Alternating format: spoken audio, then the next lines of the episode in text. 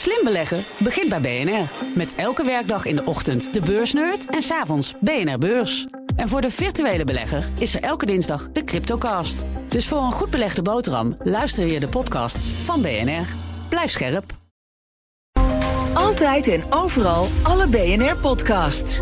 Download de gratis BNR-app. BNR Nieuwsradio. BNR breekt. Ivan Verrips. Goedemorgen en welkom bij BNR Breekt. Vanaf half twaalf ga ik praten over het nieuws van de dag. Over fietsen bijvoorbeeld.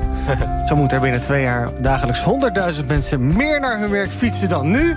Het kabinet wil meer werknemers verleiden om de auto dus te laten staan en te gaan fietsen, net zoals in Beijing. Maar hoe reëel is dat plan eigenlijk? En veel Nederlandse leerkrachten die vertrekken naar België, naar Vlaanderen om daar les te geven.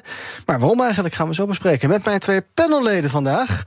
Pieter Lossi, adviseur van de VO-raad. Goedemorgen. Goedemorgen. Goed dat je er bent. En Jesse Marcus, adviseur Public Affairs bij Schuttelaar en Partners. Goedemorgen. Goedemorgen. En welkom. We gaan beginnen met...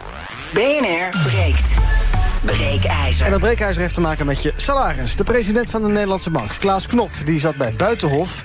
en waarschuwt daar voor een langdurige inflatie. Inflatie wordt alleen hardnekkig als daar een sociaal conflict aan ten grondslag ligt over een onbetaalde rekening. Ik heb eerder aangegeven dat er 6, 7 procent loonruimte verantwoord is. Maar als werkgevers en werknemers gaan proberen die energierekening bij elkaar naar binnen te schuiven, terwijl beide onafhankelijk daarvan al hun eigen energiepijn te verwerken hebben, dan dreigt de loonprijsspiraal. Ja, 6 tot 7 procent maximaal, zegt Knot dus. Hij vindt dat de vakbonden hun eisen een beetje moeten matigen om erger te voorkomen. Want hè, loonprijsspiraal, dus langdurige inflatie en mogelijk hogere rente om die dan weg te nemen. En hij hoopt ook dat de vakbonden het hoofd een beetje koel houden en de emoties in bedwang en niet massaal ja, extreem hoge looneisen neerleggen, zegt Knot. Maar CNV-voorzitter Piet Fortuyn die zegt... eh, ja, de vakbonden komen niet voor niks met looneisen oplopen tot 14 procent. Je ziet ook dat de inflatie eh, op jaarbasis toch uh, dikke 10% is. Ja, en, medewerkers zien ook in hun uh, portemonnee koopkracht. Als ze boodschappen doen, zien ze dat de boodschappen fors duurder zijn. Ja, en wilden dat toch gecompenseerd zien. Ja, gecompenseerd zien. En ik zag ook teksten als onnodige bangmakerij... en typisch elitaire uitspraken van DNB-bestuurders... die geen idee hebben wat er op de werkvloer en onder gewone mensen leeft. Werknemers willen dus niet massaal hun werkgevers pesten... maar komen aan het einde van de maand gewoon niet meer uit met de rekening. Onder andere door hoge energierekeningen, dure boodschappen... en andere vaste lasten die in prijs flink zijn verhoogd. Ja, weet de president van de Nederlandse Bank nog wel... wat er eigenlijk echt leeft in de maatschappij? Ons breekijzer vandaag. Klaas Knot is de voeling met de werkvloer helemaal kwijt. Ben heel benieuwd hoe jij erover denkt. Ben je het er maar eens? En ja, kan Klaas Knot makkelijk praten... dat we niet te veel loon uh, moeten eisen... maar ja, hij voelt de pijn niet zo erg van die gestegen kosten. Of moeten we inderdaad verder kijken dan ons eigen belang? En gaat het ons uiteindelijk veel te veel geld kosten als die inflatie veel te lang duurt? En moeten we dus inderdaad maar ja, op de lange termijn denken en dan maar wat minder geld in de portemonnee? 020 468 4 keer 0 is ons telefoonnummer. Ons breekijzer dus. Klaas Knot is de voeling met de werkvloer helemaal kwijt. 020 468 4 keer 0 Als je nu belt, kom je zo meteen bij me in de uitzending. Je kan ook stemmen via BNR Nieuwsradio op Instagram. Krijg je voor 20 minuutjes een tussenstand van me. Maar het leukste is bellen. Nog één keer het nummer dan. 020 468 4 keer 0 Zometeen hoor je hoe Pieter en Jesse erover denken. Maar ik begin bij uh, Tosca Gorts. Zij is arbeidspsycholoog en ondernemer. En Ruud Gerards, arbeidseconoom aan de Maastricht University. Goedemorgen allebei. Goedemorgen. Goedemorgen. Tosca, ik begin bij jou. Klaas Knot is de voeling met de werkvloer helemaal kwijt. Wat vind jij? Ja, je moet natuurlijk niet op een ja of nee komen. Ja, maar, klopt. Um, nou, stiekem iets meer ja. Okay, want vertel. Iets meer nee. Ik kan beide, beide punten argumenteren, als ik heel eerlijk ben. -hmm. Oké, okay, maar waar neig je naar? Ja, nou, ik neig toch naar. Natuurlijk, kijk, iedereen die in zo'n positie zit, is, is de voeling met hoe het echt zit kwijt. Aan de andere kant, nee. Want ja, vanuit zijn perspectief is het gewoon heel erg duidelijk dat je. Ja, je moet gewoon op een gegeven moment dat prijsspiraal stoppen. Dus ik snap dat wel. Ja, maar goed, Klaas Knot kijkt natuurlijk vanuit een macro-economische blik. Uh, daar heb je als uh, werknemer niet zoveel mee te maken, natuurlijk. Dus ja, als je naar de tv zit te kijken op zondagochtend. en Klaas Knot zegt van joh, je hebt met 7% erbij genoeg. Ja, dat is makkelijk, makkelijk praten. Hoe moet je daarmee omgaan? Precies, maar of hij nou echt de enige oorzaak daarvan is, is dat natuurlijk, ja, vind ik niet persoonlijk. Oké, okay, maar wat moet je daar dus mee doen als ontvanger? Als, werk, als werknemer. Ja. ja. Nou ja, als werknemer, het wordt natuurlijk nu heel erg bij de werknemer gelegd. Maar als werknemer kan je natuurlijk eigenlijk niet zo doen. Je, bent eigenlijk een, ja, je zit in een systeem mm -hmm. en je moet mee in dat systeem. En als werknemer heb je natuurlijk niet meer ruimte dan alleen maar te vechten voor wat, van jou, wat in jouw individualistische belang zit. Dus ik vind het heel logisch dat een werknemer gaat voor de ik en voor het belang. En mhm. dus probeert zo, zo, zo snel mogelijk dat loon omhoog te krijgen. Omdat dat is waar je invloed op hebt. Op al die andere dingen heb je gewoon simpelweg geen invloed. Nee, en je kan ook niet de last van het hele land op je schouders nemen. Dus dan moet je Precies. Maar allereerst om je eigen kan ook niet voor zorgen dat er meer huizen worden gebouwd zodat je woonlasten omlaag gaan. Weet je, dat zijn toch grotere beslissingen dan alleen voor jou als werknemer. Oké, ehm, dan gaan we naar Ruud, ons breekijzer vandaag. Klaas Knot is de voeling met de werkvloer helemaal kwijt. Wat vind jij, Ruud? Ja, als ik de stelling, uh, als ik leuk meedoe en de stelling zo interpreteer, zit ik ook meer aan de ja-kant natuurlijk. Maar uh, ja, ook ik zal er natuurlijk wat nuance in aanbrengen. Uh, ik denk, eh, als je het zo ziet, de inflatie is begonnen met, met een stukje pandemie. Hè. We weten nog dat de containerprijzen gigantisch omhoog schoten. Hè. Um, en de, de, de voedselprijzen door de oorlog in de Oekraïne.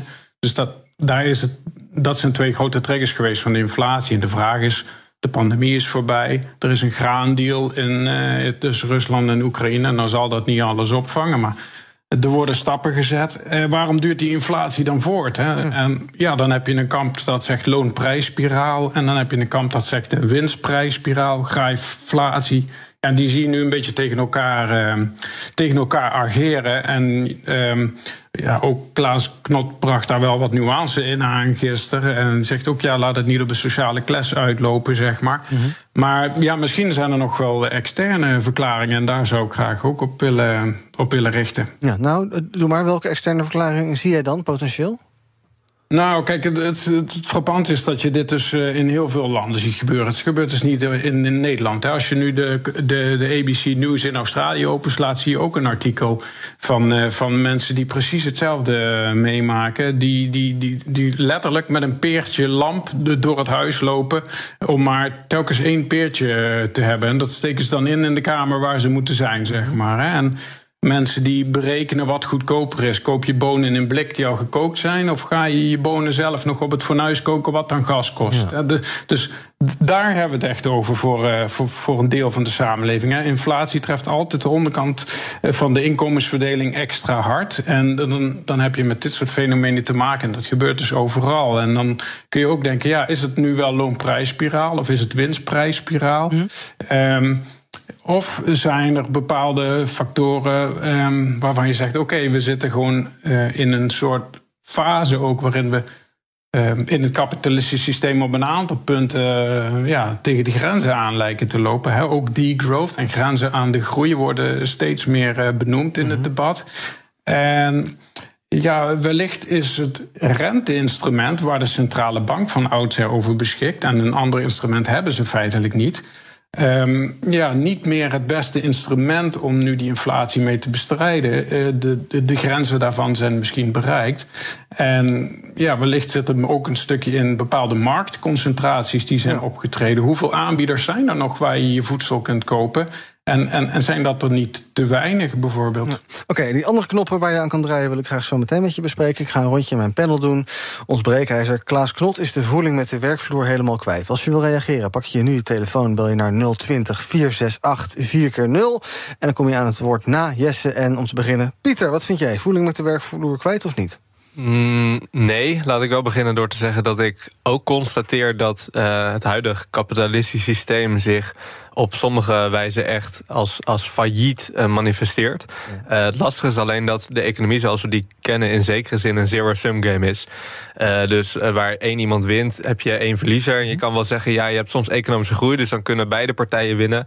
Maar daar zie je dan vaak dat het ten koste gaat van arbeidsrecht in het buitenland of van natuur. Dus ergens is die economie een zero-sum game. En wat je ziet is dat je werknemers en werkgevers hebt, bedrijven dus, en die hebben allebei zoiets van we willen winnen in deze zero-sum game.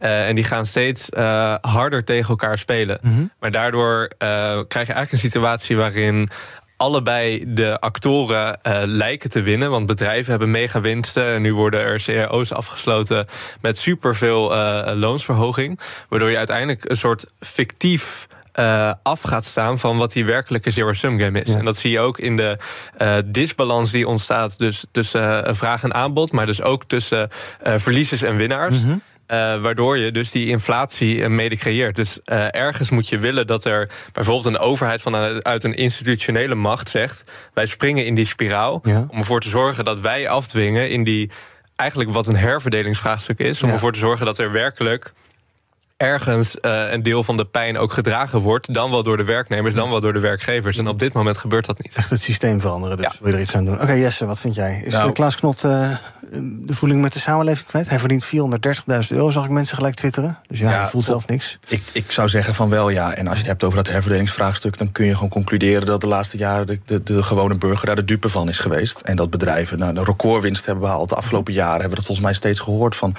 de bedrijven die halen monsterlijke winsten. En, en, en nou ja, dat, dat, is niet, heeft zich niet doorvertaald naar hogere lonen voor werknemers. En um, ja, dat is, als je het kamp van grijflatie bekijkt, dan blijkt dat wel degelijk te kloppen. Ja, in sommige gevallen, ook niet altijd. Er zijn ook wel, ja, energiekosten zijn natuurlijk enorm toegenomen. Bedrijven die eh, spelen ook in wat, op wat er in de toekomst gaat komen. Inderdaad, loonstijgingen, inderdaad. Nou ja, wat kan je nog verwachten? Dus je moet wel een beetje een buffertje achter de rug, achter de hand hebben. Ja, zeker. Maar ja, ik bedoel, als de prijzen van boodschappen, benzine, energie de afgelopen jaren alleen maar stijgen en, en, en de loon blijft achter. En dan kun je wel zeggen, ja, maar dat kwam door corona, dat kwam door dit. Er is altijd wel een reden waarom de loon niet goed meestijgt. Maar ja, die tijd is nu voorbij. Dus ik, ik, ik, ja, ik snap dat, uh, dat, dat sentiment wel. We gaan een rondje bij de bellers doen. Klaas Knot is de voeling met de werkvloer helemaal kwijt als je wil reageren. 020 468 4 keer 0 Nu bellen, kom je zo in de uitzending. Het langst hangt te wachten. Timo, goedemorgen. Uh, ja, goedemorgen Ivan. Nou, ik denk dat, ik denk dat er in Noordwest-Europa wel ruimte is voor een iets sterkere loonprijsspiraal dan in de rest van de eurozone. Mm We zien de toenemende vraag naar arbeidsimmigratie van oppervlakkig geschoold personeel uit derde landen en de toenemende staatsschuldquotes in de rest van de eurozone. Maar als het draagvlak voor de huidige looneisen weer eens vakkundig uh, uh, wordt afgebroken, pleit ik ervoor om de verlaging van de looneisen in te ruilen voor relatieve nivellering, zodat iedere werkende dezelfde absolute bruto-stijging van zijn uh, uurloon krijgt. Mm En dan verwacht ik wel van alle monetaire experts dat ze voortaan bij te lage inflatie actief en met minimaal hetzelfde bereik voor hogere lonen pleiten. Want daar kon de Europese Centrale Bank zelf helemaal niks aan doen. En dat kan het wel bij de huidige te hoge inflatie. Ja, Oké, dat idee ga ik zo even voorleggen aan een deskundige. Dankjewel voor het bellen, Timo. Het gebeurt nu geloof ik al in CL-onderhandelingen dat er geniveleerd wordt. Jan, goedemorgen. Ivan, goedemorgen. Nou, ik ben het ook eens met uh, de stelling. Ik denk dat uh, Knot het gevoel een beetje kwijt is met uh, de arbeidsmarkt. ik heb al eens eerder aangegeven volgens mij dat de onderkant arbeidsmarkt tot modaal, modaal dat die eigenlijk in de afgelopen 15 jaar nauwelijks in salaris erop vooruit gegaan zijn. Dus, dus logisch dat die nu echt aan het bel gaan trekken voor een significante verbetering van hun financiële positie. En ja, ik denk dat uh, het gewoon belangrijk is dat het doorgevoerd uh, wordt. Kijk, als jij 4 ton per jaar verdient, dan heb je daar minder last van. Maar als jij aan het eind van de maand uh, een tientje meer of minder verdient, dan maakt dat voor een grote groep van de bevolking, en dat is echt een hele grote groep, echt heel veel uit. Ja, dat scheelt aanzienlijk. Dus dankjewel voor het bellen. Ik doe nog één of twee bellers in dit blokje. Rashid, goedemorgen. Goedemorgen. Zeg het maar. Rashid. Hoi, ik, uh, ja, ik, ik irriteer me maatloos aan, altijd aan deze discussie. Want er wordt natuurlijk altijd die prijsstijgingen. Die worden namelijk als een, als een net door het zee uh, heen getrokken. En er wordt meestal niet gedacht over de kleine ondernemer. Ik heb een, uh, een aantal medewerkers, mm -hmm. als klein zelfstandige. Maar ik word dus daar ook niet mee getrokken. En waardoor ik dus op een gegeven moment niet meer, de, die lonen niet meer kan, uh, kan betalen. Nee. Terwijl eigenlijk de discussie zou moeten gaan van de, de winsten, dus dat de, de grote multinationals, dat het daar de discussie zou plaatsvinden. Dan begrijp ik dat. Maar op het moment dat die kleine loonstijging gewoon landelijk ingevoerd wordt, dan ga ik daar dus ook in mee. Ja. Ik denk dat we ook moeten bedenken dat de grootste verdiener, de grootste verdiener van dit land is nog wel altijd de, de, de overheid en de belastingdienst. Ja. Waarom gaat de FNV ook niet zeggen, weet je wat, die belastingen die moeten gewoon flink omlaag. Daar zit het grootste probleem wat mij betreft. Rashid, de verbinding zat slecht. Een hele korte vraag stellen nog. Uh, op die vakbonden die zeggen altijd wel van ja, wij houden best wel rekening met ja, die bedrijven en wat ze kunnen dragen. We gaan niet aan uh, bij, bijna failliete bedrijven vragen om er uh, tientallen procenten bovenop te doen. Dus speelt dat voor jou niet mee? Ja, dat, een paar geleden moest ik, uh, moest ik ook nog een keer 10% bij, uh, bij in, in, september is dit verhoging gegaan. In januari is dit verhoging gegaan. Ja. En als we zo doorgaan, ja, ik ken gewoon heel veel ondernemers in mijn omgeving die zeggen van ja, dit kan niet meer. En, ja. weet je waar we, we komen in een ander probleem, is dat we op een gegeven moment de werknemer daar waar vorig jaar bijvoorbeeld voor een 16-jarige 6 euro, dan was hij gewoon, weet je, dan zei hij, wow, dit is fantastisch. Mhm. Die zegt nou tegenwoordig, ja, maar de, die krijgt natuurlijk uh, volgens mij iets van 7 euro 5. Die denkt van ja, Ja. dat is minimumloon, ik wil maar 9. Die begint dus wel hoger, ik snap het. Dankjewel voor het bellen, Rashid. BNR breekt. Ivan Verrips. Met vandaag in mijn panel Pieter Lossi, die is adviseur bij de VO-raad. Jesse Marcus, adviseur Public Affairs bij Schuttelaar en Partners. En ook bij me zijn Ruud Gerards, arbeidseconoom van de Maastricht University... en arbeidspsycholoog en ondernemer Tosca Gort. We praten over ons breekijzer. Klaas Knot is de voeling met de werkvloer helemaal kwijt. Als je wil reageren, moet je nu bellen 020 468 4 keer 0 Dan kom je ergens in de komende nou, minuut of uh, vijf nog uh, bij me in de uitzending. En nou, maar eventjes bespreken, Tosca, wat we net allemaal van uh, bellers gehoord hebben. nivelleren, dat het misschien iets meer naar elkaar toe groeit. Dat die onderkant wat verder omhoog komt. En nou ja, die bovenkant misschien gelijk blijft of een beetje omlaag. Dat gebeurt de laatste tijd al wel hè, in CAO-onderhandelingen. Uh, ja, nou ja, ik bedoel, uh, ik ben, kijk, ik ben natuurlijk arbeidspsycholoog. Dus ik ben vooral bekend met hè, de psychologische factoren. Dus wat voor invloed het heeft op de mens.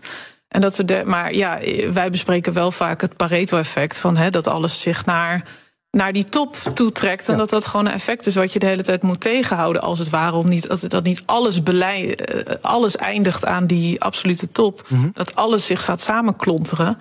Um, maar volgens mij in Nederland zijn we daar best goed mee bezig, toch? Nee, ja, beantwoord de vraag maar. Ik, ik wil een vraagteken, maar ik denk, denk het wel. Dus nou ja, laten we dat maar gelijk uh, uh, vragen. Ja, ik ben wel benieuwd hoeveel mensen nou daadwerkelijk... want er wordt dat groep van, ja, zoveel mensen met hun bonen kunnen niet betalen... weet je, in andere ja. landen en dergelijke. Ik ben wel benieuwd hoeveel invloed het nu daadwerkelijk echt heeft op mensen. Hoeveel mensen hier nou echt... Uh, de dupe van zijn. Ja, nou, Ruud, weet jij ja, dat? dat? Dat vind ik dan interessanter dan gewoon stellingen daarover doen, persoonlijk. Ruud? Nou, kijk, in termen van aantallen heb ik niet uh, meteen paraat dat het zoveel honderdduizend mensen zijn die, uh, die hier getroffen door zijn. Maar je ziet wel bijvoorbeeld, we hebben 360.000 werklozen nog altijd in Nederland. Um, en die leven van een uitkering.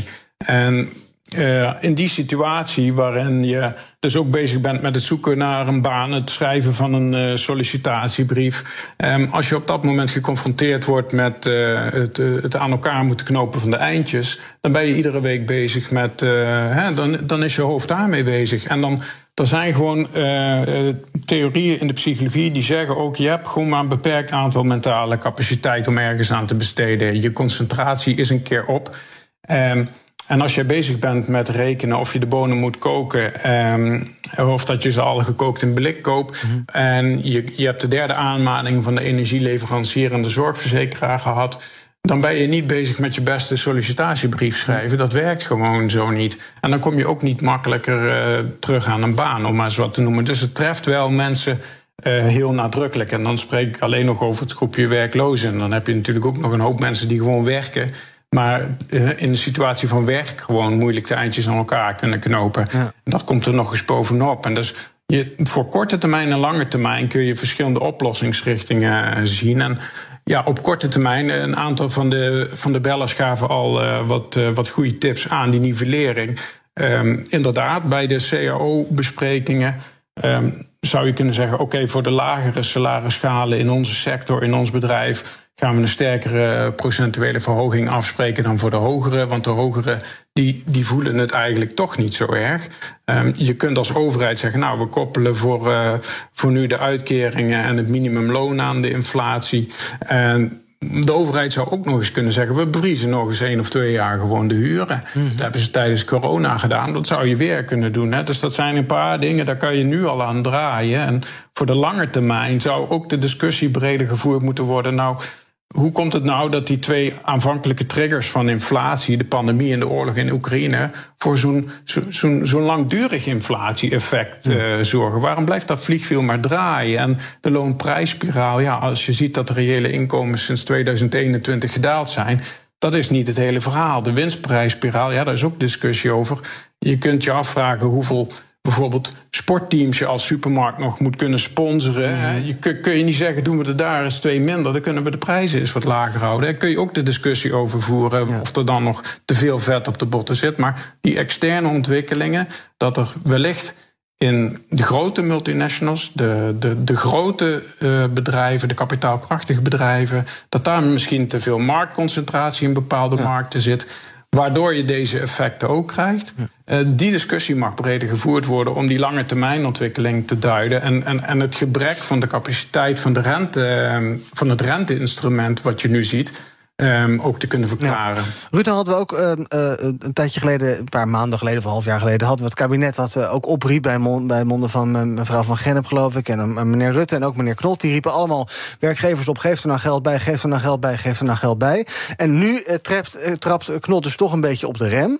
heeft dat inderdaad alles te maken met ja, dat die inflatie langer aanhoudt, ook waarschijnlijk dan hij verwacht heeft? Ja, ik denk het wel. En, uh, en, en, en, dat je ziet dat het verhogen van de rente niet het uh, snelle.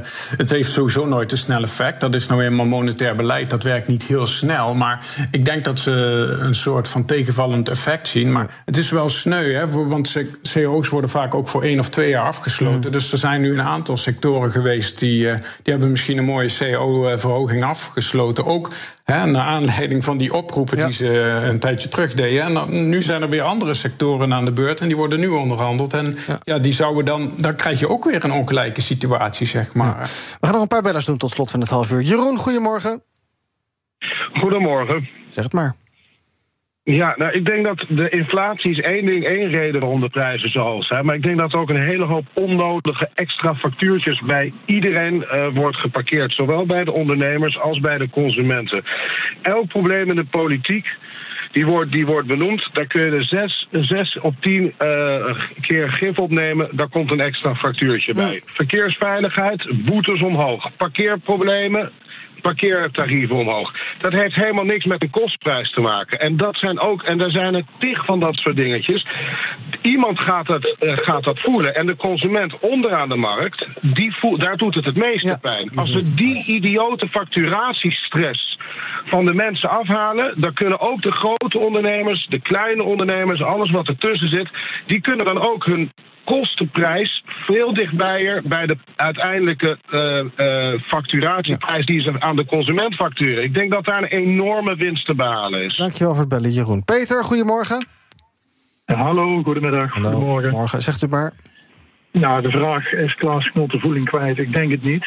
Uh, ik denk als je naar de berichtgeving luistert en de keren dat je hem op tv gezien hebt, dat hij eigenlijk best wel evenwichtig aangeeft wat er aan de hand is. Mm -hmm. inflatiedier, dat hebben we nu eenmaal. Dat duurt iets langer dan dat we uh, gedacht hadden. Ja. En waar het op neerkomt is dat de lonen, ja, ze moeten gematigd blijven. Kijk, dat er 7% bij komt, prima. En als dan de inflatie 10% is, ja, dan kom je 3% kort. Ja.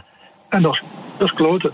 Ja, en dan moet je maar dus... dat is voor iedere Nederlander zo. En het probleem wat daarbij komt, en dat is denk ik het onderliggende verhaal. Kijk, ben je, ben je met z'n tweeën in een huishouden en heb je twee inkomens, mm -hmm merk je er niet heel veel van. Maar je zult maar alleen zijn. Ja, zeker. In een huurwoning. Dan ben je de sjaak. En dat is het onderliggende probleem waar heel veel mensen natuurlijk tegenaan lopen. Maar ik denk echt loonmatige allemaal een procent of twee, drie pijn pakken. Een paar jaar inflatie onder controle. En dan zijn we eigenlijk waar we zijn willen. En ja. dat is exact het verhaal wat Knot eigenlijk al anderhalf jaar verteld. En dan delen we de pijn met z'n allen. Dankjewel Peter voor het bellen. Uh, en ook uh, dank iedereen die gestemd heeft op onze Instagram-pagina. Breekijzer Klaas Knot is de voeling met de werkvloer helemaal kwijt. Daar is 85% het mee eens. Je kan op Instagram kan je het nog de hele dag van je laten horen. BNR Nieuwsradio weten we daar. Ik dank Tosca en Ruud. Fijn dat jullie erbij waren. En zometeen ga ik verder praten met Pieter en Jesse over het nieuws van de dag. Over fietsen. Want het kabinet wil dat we meer gaan fietsen. Maar is Nederland niet al ja, fietsland bij uitstek? En tientallen gemeenten die knopen de banden aan met Chinese zustersteden. Maar aan die ontwikkeling lijkt nu een uh, einde te komen. Is dat goed of niet? Gaan we zo bespreken. In het tweede deel van BNR Breekt. Ook Harm Edens vind je in de BNR-app. Je kunt BNR Duurzaam niet alleen live luisteren in de app... maar ook terugluisteren als podcast, zoals al onze podcasts. En naast dat de BNR-app Breaking News meldt... houden we je ook op de hoogte van het laatste zakelijke nieuws. Download nu de gratis BNR-app en blijf scherp.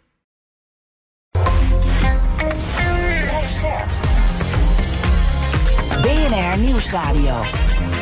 BNR breekt. Ivan Verrips. Welkom terug. In mijn panel vandaag Jesse Marcus, adviseur Public Affairs bij Schuttelaar en Partners. En Pieter Lossi, adviseur van de VO-raad. En wij gaan praten over het nieuws van de dag. Als het aan staatssecretaris Heijnen van Infrastructuur en Waterstaat ligt... gaan we binnenkort eh, veel minder ja, pruttelende auto's en getoeter... en dat soort geluiden horen. En veel meer blije fietsspelletjes. Ja, met de campagne Das Zo Gefietst wil het kabinet dat we vaker het fietsaandeel opgaan. In 2027 moeten we 20% vaker op de fiets stappen dan in 2017. En volgens Heine wordt de auto veel te vaak gepakt voor ja, van die makkelijke afstandjes waarmee je ook gewoon uh, de fiets kan pakken. Dus of bijvoorbeeld wandelen.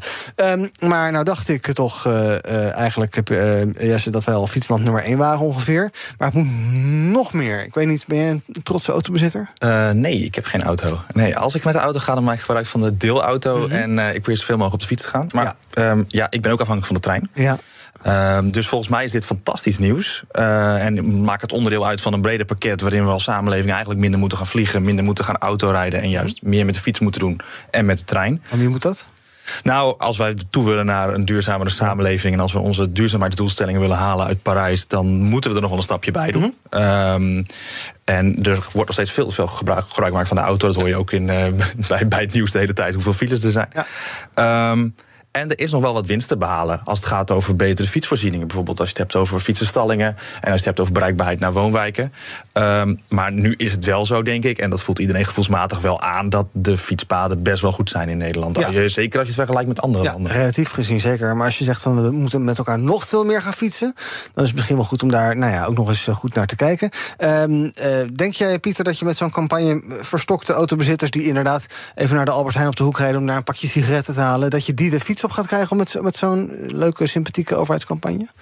Nou, zou kunnen. Ik moet zeggen, als ik uh, dit soort slogans vanuit de overheid hoor, uh, dat is zo gefietst dat ik. Uh, Wat voor duur bureau zou erachter zitten? dat Wat zou dat gekost hebben, die slogan? dat ik zelf bijna recalcitrant denk, dan pak ik de volgende keer de auto. ja. Hele oude diesel. Ja. Nee, een beetje flauw. Maar ik, ik, ja, zo'n publiekscampagne is leuk. En dat is, daarmee kun je hopelijk de discussie een beetje aanwakkeren. En dat blijkt alleen al uit het feit dat we het hier over hebben. Ja. Maar dat betekent wel dat je uh, structureel iets moet gaan doen uh, aan de verkeersveiligheid, aan de toegankelijkheid uh, voor wat betreft het vervoersmiddel fiets. en dat je dan ook de auto dus zal moeten ontmoedigen. En wat mij betreft past de beweging van meer fietsen in een beweging waarin je zegt we willen bijvoorbeeld ook 15 minuten steden, dus zorgen dat dingen dichter bij elkaar liggen, zodat je inderdaad ook makkelijker die fiets kan pakken. Want voor 15 minuten is denk ik voor bijna iedereen een op. Wat, wat ja, dus dat betekent eigenlijk dat je. De voorzieningen uh, binnen 15 minuten. Precies. De belangrijke voorzieningen inricht bij allerlei uh, planologische uh, ontwikkelingen. Ja. dusdanig dat je inderdaad voorzieningen gecentreerd hebt rondom nou ja, woonwijken. Mm -hmm. En dat dus de belangrijkste voorzieningen die de levenskwaliteit bepalen, dicht bij de mens ook aanwezig is. Dat soort structurele investeringen zijn wel nodig. En ik denk dat het ook past in een plan waarin je zegt het OV moet beter uh, in uh, dit land. En als je alleen al kijkt dat in Duitsland je voor 49 euro per maand gratis met het OV kan. Uh, en in Nederland voor 354 euro. dan is daar ook nog wel echt iets te winnen. En zou het kabinet dus niet alleen met zo'n gedragscampagne moeten -huh. komen. Maar ook werkelijk middelen daarvoor vrij moeten maken. Ja, nee, openbaar vervoer wordt gelukkig alleen maar duurder. Dus dat Klopt, is, ja, zeker. Ja, gaat niet de goede kant wat, wat dat betreft. Um, toch ook nog even over die verkeersveiligheid. Uit CBS-cijfers blijkt dat er ja, vorig jaar meer verkeersdoden zijn gemeld. Vooral onder fietsende ouderen. Die gaan, dat vul ik dan even in, denk ik, dan op de e-bike. En die kunnen lekker fietsen. En bovendien, op een fietspad kom je van alles nogal tegen. Stepjes, uh, e-bikes, uh, fatbikes. Uh, ik zag dit weekend nog een soort protest van mensen met eenwielers... die op een fietspad reden. ja, je moet ook daar wel over gaan nadenken, Jesse. Want vroeger was het vrij duidelijk... iedereen is op de fiets, dat was het. Maar er scheurt van alles nog wat voorbij. Ja, zeker. En je vergeet dan nog alle, de toename van alle deelscooters. Ja. en deelfietsen. dat, vooral in grote steden zie je dat heel erg toenemen... dat, dat, dat daar gebruik van wordt gemaakt. Wat natuurlijk fantastisch is. Want uh, hoe meer mogelijkheid tot, deel, tot, tot, tot delen van, van, van de mobiliteit, hoe meer mogelijkheid tot nou ja, wat meer duurzame opties. Hoe meer opties mensen hebben, hoe meer ze kunnen kiezen. Ja. En hoe minder snel ze de auto pakken. Ja. Dus dat is op zich een goede tendens. Uh, maar je hebt, ja, je hebt wel gelijk. Dat is vooral in grotere steden wel een gevaar. En, en je wil de ouderen juist niet dwingen weer gebruik te maken van de auto. Nee. Um, dus ja, dat gaat om het aanbieden van opties aan die ouderen. En, en ik denk dat de fiets daar één van is. Maar ja, ik hoop niet dat de staatssecretaris denkt dat dit één van de oplossingen is. Hm. Eh, het zou juist moeten gaan om dat bredere pakket waar we net over hadden. Hè, als je het hebt over OV en al die deelopties. In Scheveningen zijn ze geloof ik bezig met een soort proef... om eh, bepaalde straten bij het strand... dat je daar voor een parkeeractie 50 euro betaalt. Dat is op zich wel lekker ontmoedigend. Zeker. En, uh, Dan blijf ik wel thuis voortaan. Ja, klopt. Uh, dat, dat is zo. En wat ik ook laatst zag, is dat ze uh, op het strand bij ergens in de buurt van Rotterdam echt inmiddels een soort OV-station hebben gebouwd. waar je dan met de, met de tram vanuit Rotterdam naartoe kan. Echt gewoon bijna op het strand. Hoek van Holland. Kijk, dankjewel. Dat uh, wordt gewaardeerd. Uh, nou, dat zijn wel inderdaad de, de infrastructuur. Uh, kansen die er liggen om er werkelijk voor te zorgen dat fietsgebruik en duurzaam mobiliteitsgebruik wordt vergroot. Ja, toch. We hebben ook de plannen van Jette nog onlangs gehoord. De aanvullende plannen om inderdaad de doelen voor 2030 te halen. Dan komt er bijvoorbeeld ook nog 600 miljoen bij aan subsidies voor tweedehands elektrische auto's. Dus dan heb je ook Ja. wel een beetje. Dat is ook wel een beetje een. Ja, Klopt. Nee, maar, precies, maar het is dus niet eenduidig. Nee, en dat dus is, vergt een integraal plan. Als ik kijk naar de. Naar, eh, het beste wat je kan doen is nu voorkomen dat een nieuwe generatie aan potentiële autogebruikers niet een auto gaat kopen. Hm. Als ik kijk naar eh, de generatie van Jesse en mij, eh, dan is het zo dat wij straks eh, ook nog gewoon grote afstanden zullen moeten afleggen. En dat het OV dus onbetaalbaar is en vaak ook niet goed werkt. En dat de boel afgeschaald gaat worden, omdat het Rijk niet wil bijdragen aan OV. En tegelijkertijd zegt diezelfde overheid: hier 600 miljoen subsidie voor het kopen van auto's. En zeggen ze: oh, en we hebben hier nog een paar miljoen vrijgemaakt voor een publiekscampagne om ervoor te zorgen dat mensen meer gaan fietsen. Dat, dat, dat klopt niet. Dat ligt niet in lijn met elkaar. Dus daar moet echt een integrale visie onder. Wat zou die slogan gekost hebben? Dat is zo gefietst. Ja, ik... het zit een beetje in het wereldje. Ja, dat, dat, dat heeft meer gekost dan, eh, dan, dan wij willen willen. weten, denk ik. Dat gaat echt wel richting 5000. 5000? 50. Oh, ik het zeggen, van 5 doe ik het ook. Oké, goed, we gaan praten over ander nieuws. De gemeenten die zeggen de 50.000 euro voor drie zinnen. Eh, drie woorden. Gemeenten die zeggen hun vriendschapsbanden met Chinese evenknieën op. In de afgelopen twee jaar kapten zeker acht gemeenten en ook twee provincies in ons land de relaties met China af. Blijkt uit een inventarisatie van NRC. Ehm, het is een eh, kwart van alle bestuursorganen die een samenwerking had, die is daar dus mee gestopt. En dan moet je dus aan denken aan ja, partnergemeenten en dergelijke. Je ziet ze willen staan als je een stad binnenrijdt op het bordje onder de plaatsnaam staat dan wie de zustersteden zijn. Geen idee wat daarmee gebeurt, maar blijkbaar is dat dus een ding nog steeds. Eh, en dat deden we dus ook met eh, allerlei andere steden. Bijvoorbeeld Arnhem had een eh, stedenband met Wuhan. Ik laat hem maar even vallen. Maar het was echt zo. En nu dus niet meer. Ehm, moet je hier inderdaad eh, van af? Dit heeft ook allemaal te maken met geopolitieke spanningen. En ook de druk vanuit het Westen om ja, toch wat te ontkoppelen van China. En daar een beetje afstand van te nemen. Is het goed om dan te zeggen, joh, die culturele samenwerkingen, Jesse, daar zetten we ook een punt achter. Bekijk het maar met je balletvoorstelling. Ja, ik denk dat hier twee dingen van belang zijn. Ik denk het eerste van moet je je afvragen... als bijvoorbeeld eh, zo'n stad als Arnhem met Wuhan een, een, een culturele betrekking heeft... ja, wat levert dat nou daadwerkelijk op? Ik, ik zat erop te lezen, op, op, even op uitzoeken op internet... wat het nou precies is. Nou, er worden een paar handelsmissies gedaan. Maar goed, kijk, Arnhem is een grote stad... maar bijvoorbeeld een stad als Weert, waar, waar- welke die ook wordt genoemd... waar, de, waar het verband wordt verbroken... ja, dan denk ik van oké, dat, dat, dat heeft, levert economisch niks op. Maar, Moet dat? Ehm, niet per se, maar dat ligt er volgens mij wel achter. En als je op een gegeven moment tot erachter komt dat ja, je te maken hebt met de onderdrukking van Oeigoeren, ehm, eh, mensenrechten schendingen op grote schaal, dan zou je kunnen afvragen: oké, willen wij wel als je onze stad binnenkomt dat heel trots de Chinese zusterstad stad daar genoemd zien, zien worden? Ja. ja, ik denk dat dat niet goed is, zo'n formele vriendschap met een land dat zo anders denkt over mensenrechten dan Nederland. Ik vond het wel mooi. eh, burgemeester Marcouch die zei tegen, hè, van Arnhem die zei tegen NRC van ja, in China, hè, democratie, hm, rechtsstaat, hm, vrijheid van pers, meningsuiting, hm, nou dat is allemaal niet zo daar, dus daar stoppen we dan maar mee. Aan de andere kant, als je het eh, klassieke andere argument eh, ehm, eh, bekijkt, dan zeg je ja, als je eh, banden doorknipt, dan heb je ook geen ha- hand meer in de pap, vinger in de pap, vinger, in de pap. Ja. zeker. Ja, dus dat is het lastige. Dus enerzijds vind ik het goed dat samenwerkingen niet alleen vanuit economisch perspectief worden bekeken, maar ook vanuit een moreel perspectief. Tegelijkertijd, als je nu alleen al kijkt naar waar leven de 8 miljard mensen op deze aardschil, dan is dat voor driekwart in Azië en Afrika. En eh, de komende decennia gaat dat ook alleen maar toenemen. We zijn natuurlijk ook wel een beetje eh, gek eh, als land en als Europese Unie als we eigenlijk het bestaan van die landen en het bestaan van de mensen en ook de potentie van het hebben van opbouwende relaties eigenlijk gaan negeren. Dus ik hoop dat er wel in al die gemeenten een goede belangenafweging is gemaakt van. Hè, kunnen we met die relatie eventueel in de toekomst ervoor zorgen dat een aantal van onze uh, fundamentele opvattingen over bijvoorbeeld mensenrechten ook echt kunnen worden bevorderd in onze partnergemeenschap. Mhm. Op het moment dat dat niet het geval is, denk ik dat het inderdaad een logische afweging is om te zeggen: Nou, dan uh, voegt nu deze relatie weinig uh, waarde toe. Laten we dan niet deze relatie en ook de praktijken daar in sommige zin normaliseren. En dus het partnerschap afbouwen. Ja, ik ben dus niet voor lomp doorknippen. Niet dat je denkt: oh jee, Chinezen zijn allemaal eng, daar stoppen we gaan mee. En, dat, oké. alternatief, al die, die steden die zeggen in de krant: ja, we gaan ons meer richten op Europese steden. Ik denk ook van ja, dat zijn, die kennen we toch al. Ja, ik bedoel, is dat nou spannend? Ja, dat lijkt nou, me Budapest, oh. Nou, dat lijkt me niet. En ik vind, ik vind het ook wel een beetje naïef uh, dat je zegt van ja, wij kunnen dan invloed uitoefenen hm. daar met onze idealen, met onze normen en waarden. Ik denk dat, de, nou ja, sinds 1989, eh, sinds de, de opstand in China, zeg maar, dat dat, dat, dat, dat niet gebleken is. Hm. Nou ja, to, ik kan me toch voorstellen op het moment dat je als, als gemeente ook uh, op. je werkt natuurlijk samen op een bepaald deelterrein. Ja. En dat kan zijn op, op onderwijs, op infrastructuur. Dat je wel degelijk iets van de kennis zoals we die in Nederland hebben vergaat. En ook iets over het leven in eh, China. Want laten we ook niet doen alsof eh, alles wat wij hier in Nederland doen... het eh, schoolvoorbeeld is voor de rest van de wereld. Oh, dat je daar iets van uitwisseling in kan organiseren. en ja, nou ja, die belangenafweging die wordt gemaakt per iedere gemeente. En ik ben inderdaad wat dat betreft niet naïef.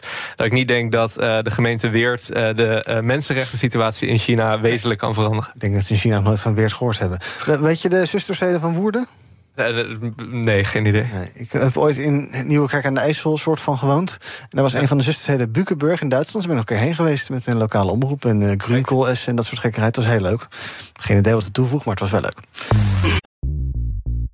BNR ben je altijd als eerste op de hoogte van het laatste nieuws. Luister dagelijks live via internet. Bas van Werven. En heel langzaam komt de zon op rond dit tijdstip. Je krijgt inzicht in de dag die komt op BNR, het Binnenhof in Nederland en de rest van de wereld. De Ochtendspits. Voor de beste start van je werkdag. Blijf scherp en mis niets.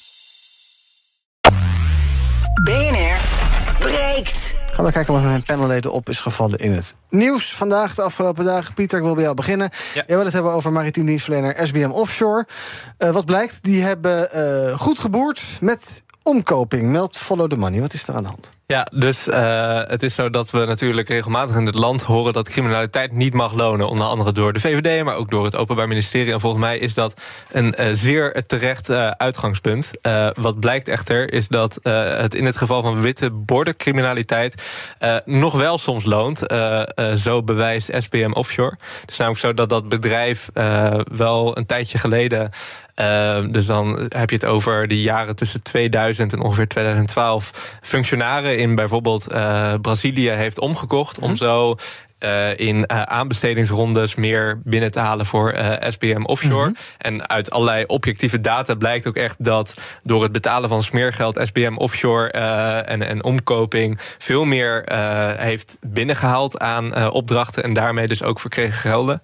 en het is gebleken dat er in totaal 1,1 miljard euro extra is verdiend door SPM Offshore... eigenlijk door de corruptie en omkoping die uh, zij hebben begaan. Ja. En uh, nu is naar buiten gekomen dat de boete eigenlijk... en de schikking die ze daarvoor hebben moeten doen... dat die 830 miljoen euro bedraagt. -huh. Dan denk je, wow, flink bedrag, zeker. Maar dat betekent dus onder de streep dat SPM Offshore... ongeveer zo'n 270 miljoen euro heeft verdiend... en vervolgens ook is weggekomen... want er is een schikking getroffen met het OM...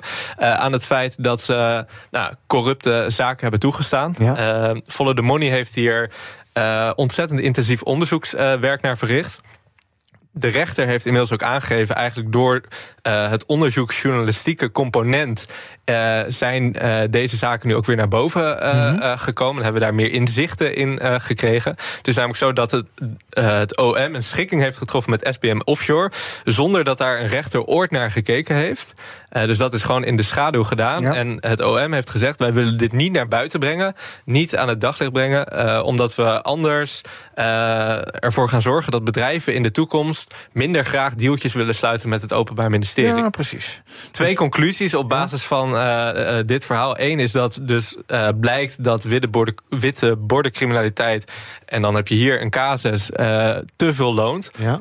en dat we die harde taal die we gebruiken richting criminelen... die bijvoorbeeld eigendom stelen... Ja. ook zouden moeten doorzetten naar grote bedrijven die uh, nou ja, gewoon de integriteit en de wet en regelgeving uh, schenden. Uh, en twee, dat die onderzoeksjournalistieke component in dit land zo extreem belangrijk is voor het functioneren van onze democratische rechtsstaat.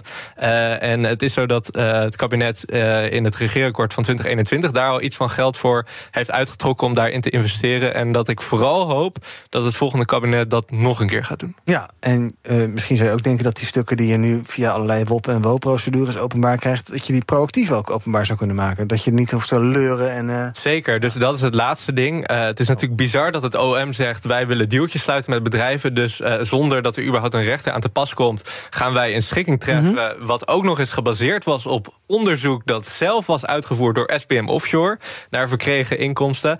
Uh, laten we alsjeblieft uh, elkaar geen mietje noemen en gewoon dit soort bedrijven ook gewoon voor de rechter trekken.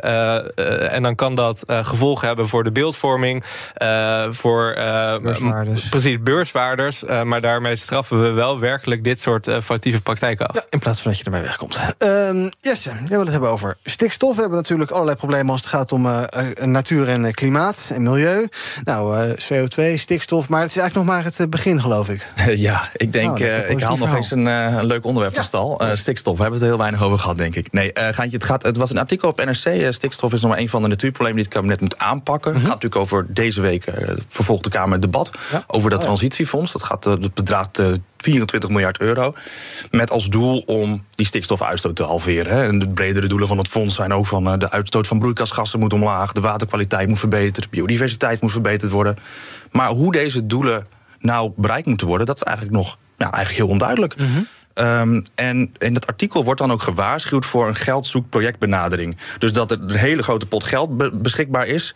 En nou, dat moet zich dan maar zijn weg gaan vinden in de samenleving. En nou, dan gaan we kijken over een paar jaar wel van... oké, zoveel, is, zoveel is er veranderd, zoveel projecten zijn er gedaan... we hebben dit nog over en uh, dit is er bereikt. Maar dat is dus denk ik het probleem van, dat, van dit fonds. Um, er is veel meer nodig om de natuur uh, uh, weer te herstellen. En dan heb je het over schone water, hogere grondwaterstanden, noem het allemaal maar op. Dus dit, dit, dit, dit 24 miljard gaat veel te eenzijdig over stikstof. En er ontbreekt eigenlijk een visie. En dat is volgens mij een constant als je het hebt over politiek mm -hmm. Den Haag de laatste jaren. Dat er ontbreekt een visie. Ja. En volgens mij is dit juist iets waar de politiek zich wel over kan verbinden. Want dit zegt BBB ook. BBB zegt ook van het gaat te eenzijdig over stikstof. Ja. Nou, en ja, volgens mij kunnen ze hier elkaar de handen schudden. En met elkaar een visie formuleren over hoe je nou de natuur en landbouw uh, moet herstellen. Grappig, door jouw paar zinnen nu snap ik ook beter de uh, opmerkingen van de oppositie. Die zegt van ja, het dreigt een soort uh, doelloze grabbelpot voor provincies te worden. en op zich, wat stikstof betreft, weten we misschien al wel aardig wat we willen. En ook hoe je dat zou kunnen bereiken. Alhoewel nog steeds geloof ik niet vaststaat wat nou die piekbelasters zijn enzovoort enzovoort. Maar oké, laten we er maar vanuit gaan dat, dat je daar iets weet. Maar dan weet je van de rest dus eigenlijk nog steeds niks. En dan doen we, gaan we dus maar wat doen en zien we achteraf hoe het, hoe het uitpakt. Ja, want ja, een van de doelen van het fonds is dat de waterkwaliteit moet worden verbeterd. Ja. ja nou, hoe meet je dat? Ja. Wat wordt daar de nulmeting? Ja. Wat gaan we daar precies voor doen? Ja, dat moet dan als je de stikstof halveert, dan wordt vanzelf de waterkwaliteit beter. Ja, dat, dat lijkt me okay. volgens mij een. Dat die kun je niet hard maken, volgens mij. Als ik dit zo hoor van jou, dan is dit een kwestie van uh, dat stikstoffonds gaat er niet komen. Uh, dat, stikstof, dat stikstoffonds gaat er misschien wel komen, ja. maar zal dus niet effectief zijn, omdat je niet precies weet van oké, okay, wat gaan we daar nou mee doen? Ja, ja. uitkopen is één, maar ja, het gaat om 24 miljard. Ja. Dat, dat is een heel groot bedrag. Ja, maar dat geld is dan down the drain. Hopelijk niet, maar daar lijkt het wel op, ja. En daar kan je misschien nog op bijsturen? Dat, daar kan de, de Kamer deze week, woensdag dus, over bijsturen. Gaan we volgen. Trending op de socials. Strak bovenaan. Max Verstappen comes out of the final corners. Max Verstappen wins the Miami Grand Prix with a masterclass of performance. Another Red Bull 1-2 thanks to Sergio Perez who had no answer to his teammate. Max Verstappen tijdens de GP van Miami. En zoals je het hoorde was uh, hij de winnaar. Op de tweede plek uh, Sergio Perez. Waarmee weer duidelijk is wie er aan top staat. Een tv-serie geluidje uh, achter dit deuntje. Zoiets. Ja. Kent hem misschien wel, The Last of Us... was een van de grote winnaars bij de uitreiking van de MTV Movie and TV Awards. Drama-serie kreeg de prijs voor beste serie, beste held en beste duo. Helaas kunnen we weinig, zeg maar eigenlijk niks terugzien van de uitreiking... want vanwege de schrijversstaking in Hollywood was er geen liveshow... en ook geen presentator. Die kunnen blijkbaar niet zelf teksten schrijven. En tot slot, hashtag Loetje is trending, het uh, biefstukken imperium. Dat lijkt redelijk ten onder te gaan, althans op de sociale media... na een kritische recensie van culinair recensent Mara Grim van het Parool. Zij schrijft, de biefstuk zelf was toch wel oké... maar verderop in de recensie vallen termen zoals diarree-achtige jus. Succes bij de lunch zometeen. En dan nog even over het volgende praten. Veel Nederlandse leerkrachten die zullen dit liedje vast en zeker hebben gedraaid... bij hun tijdelijke verhuizing naar...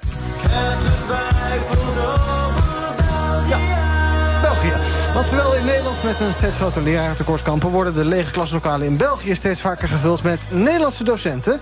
Vorig jaar werkten er ruim duizend Nederlandse leerkrachten in Vlaanderen. In 2017 waren dat er nog minder dan 800 absolute getallen, nou, valt misschien wel mee. Aan de andere kant, we zouden die mensen hard hier kunnen gebruiken. En dan kijk ik toch even naar Pieter, adviseur van de VO-raad. Ja. Um, uh, dan gaat dit waarschijnlijk om PO voornamelijk, maar toch. Ja. Uh, primair onderwijs. Maar ja. uh, België is een interessanter land voor leraren om naartoe te gaan. Ja en nee, dus uh, kwalitatief gezien uh, zijn er een aantal dingen die ze in België uh, goed doen. Ja. Dat zit hem bijvoorbeeld in de ruimte die leraren krijgen om een eigen curriculum in te richten persoonlijke autonomie vanuit het leraarschap. Mm -hmm. Dus zodat we daar vanuit uh, de Nederlandse uh, stakeholders, maatschappelijk middenveld, op dit moment ook aan het werken zijn. Feitelijk is wel zo dat eigenlijk het lerarentekort in België even groot is als in Nederland. Mm -hmm. Namelijk allebei ongeveer 10.000 voltijdbanen. dus nou ja, het is een taak aan, vooral ook in Nederland, maar ook in België, om ja. ervoor te zorgen dat dat leraarschap zich blijft ontwikkelen. En dat we ervoor zorgen dat we vooral een nieuwe jonge generatie blijven aantrekken voor het onderwijs. En dan helpt het niet dat dit kabinet bij deze bezuinigingsronde zegt... we gaan uh, bezuinigen op uh, zij-instroom van mensen die naar het onderwijs willen mm -hmm. komen... en we gaan bezuinigen op de loonsontwikkeling van leraren. Ja, uh, en wat ook misschien meehelpt, en dan maken we het inderdaad mooi rond het verhaal... de salarissen in België die stijgen automatisch mee met de inflatie, ja. daar wel. Ziektekosten lager, je krijgt meer vakantiedagen, ga zo maar door. die exodus, hoe kun je die stoppen? Ja, dus gewoon aantrekkelijk, het vak aantrekkelijker maken in ons land? Vak aantrekkelijker maken, dus het zit hem in immateriële waarde... maar ook dus uh, werkelijk in uh, nou, investeringen vanuit de overheid. Ja. Uh, want daar komt uiteindelijk natuurlijk het, ons geld vandaan voor, voor het functioneren van het onderwijs. Zie jij ooit nog zelf omscholen naar docent, Jesse? Niet me, meester Jesse? Nee, want ik durf. Ja, ik, nou. Op zich? nee, maar ik zou. Ja, dit hangt natuurlijk weer helemaal samen met het, het eerste onderwerp dat we hebben bediscussieerd. Hè. De ja. lonen blijven gewoon achter. Hm. En dan zie je dat mensen weggaan. En daar kan je iets aan doen. Dat is op zich wel fijn. Ja. Dank voor jullie aanwezigheid vandaag. Pieter en Jesse. Morgen ben ik er weer met BNR. Breekt dan aflevering 600. Ja, wow. is echt waar. Tot die tijd kun je ons volgen via de socials. YouTube, Instagram, Twitter, LinkedIn, TikTok. We zijn overal te vinden. Zometeen zaken doen met Thomas van Zel. BNR Headlines. De hele dag binnen- en buitenlandse politiek. In Nederland hebben we geen munitiefabrieken. De hele dag economie. Vijf dagen in de week bezorgen, dat kan niet uit. De hele dag technologie. Amerikanen weer op de maan. Heb je eigenlijk geen tijd, maar wil je toch op de hoogte blijven? BNR Headlines. Het laatste nieuws, maar dan in het kort. Ga naar je podcast-app en abonneer je op BNR Headlines.